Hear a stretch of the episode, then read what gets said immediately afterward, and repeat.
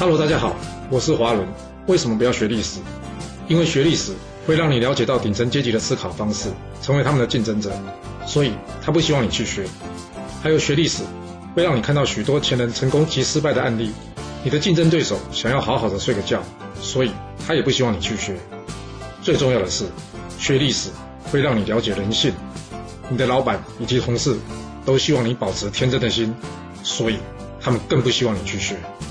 就是因为这些原因，接下来我要跟你说的是故事，而不是历史。今天的主题是啊，千万千万别小看对手啊！这主题听起来好像有点陈腔滥调吼，那我们听听看有没有什么新的说法吧。我们刚刚在春秋第一百一十节故事中讲到，这白公胜造反，而越王勾践呢也在此起兵。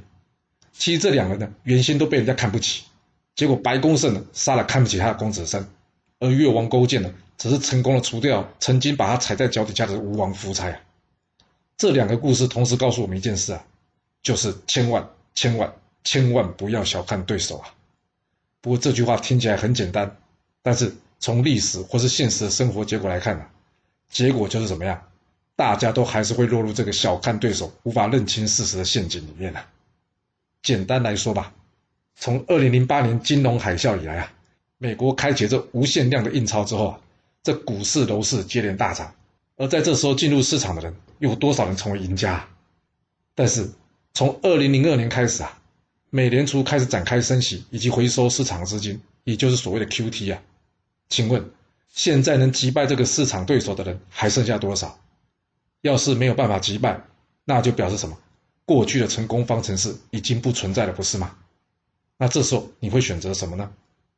选择跟夫差一样押上所有的部队跟他来个决战，因为上次打输只是心急或是一时运气不好，还是选择忽略他，继续过去的做法？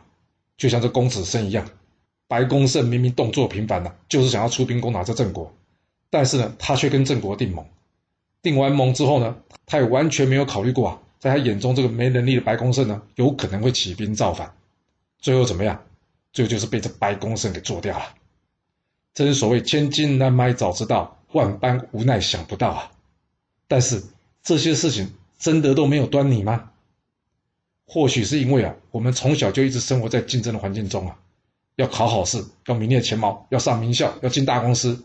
许多人在面对成绩、工作或是职位不如自己人的面前啊，难免会显现出一些优越感。所以呢，不管是面对投资或是工作的时候呢。要接受自己挫败事实啊，其实非常的困难。或许啊，我们换个角度来看呐，要是把这人生当作是一场比赛啊，对于这短暂落后的事实，会不会就比较能让人接受呢？我小时候啊，曾参加过这个球队啊，这当中让我学会了很多宝贵的人生经验的。其中一个就是什么？就是比赛要是进行的不顺利啊，那就喊个暂停，或是在关键的时刻，应该要喊个暂停，让大家冷静下来。这不正好跟人生一样吗？有的时候就是要停下来，想好再继续进行啊。还有就是啊，比赛中的每一分呢，都是取决于啊，谁把自己该做的事做好了。除非哨音响起啊，没有人可以说谁一定会赢或是一定会输。这句话呢，也是我们教练一直要我们牢牢记住的一句话。所以啊，关键就在于啊，专注执行自己当下的每一个基本动作，并且冷静的观察对手状况。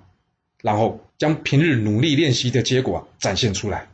若是你一直关注在输赢啊，而没有把心力放在这基本动作上，那结果啊大概率上都不会如你的意。除非你的对手啊跟你档次差太多了，而这种对手档次差太多的比赛啊，你也不会担心输赢，因为啊根本没有竞争输赢的基础。那回过头来说说现在状况吧若是最近在投资上屡战屡败，并不顺心，那是不是应该要喊一下暂停？也就是怎么样，先暂时冷静思考一下，是不是这个对手，也就是这个市场，它变强了呢？你既然无法像过去一样战无不胜，那是不是应该要重新准备？比方说，重新认定这个市场，以及补充专业知识，而不是无限量的投放士兵呢？也就是你的钱呐，进入这战场厮杀，直到无法挽回啊！回到职场上也是一样的，能在同一个职场上竞争的，大家的水平通常也不会差太多。千万别认为同事没你优秀，老板比你糊涂啊！有的时候对方只是装糊涂，让你去挡风。什么意思？就像骑车跟赛车比赛一样，一路跑在第一的，最后不一定是第一啊。随时注意大环境的变化、公司的变化、同事言行的变化，然后呢，看看自己需要哪些能力来应对这些变化，才是可以让你一直吃阴保泰的方式。你说是吧？若是你有其他想法，也欢迎留言分享你的看法给大家哦。好啦，我们今天先说到这。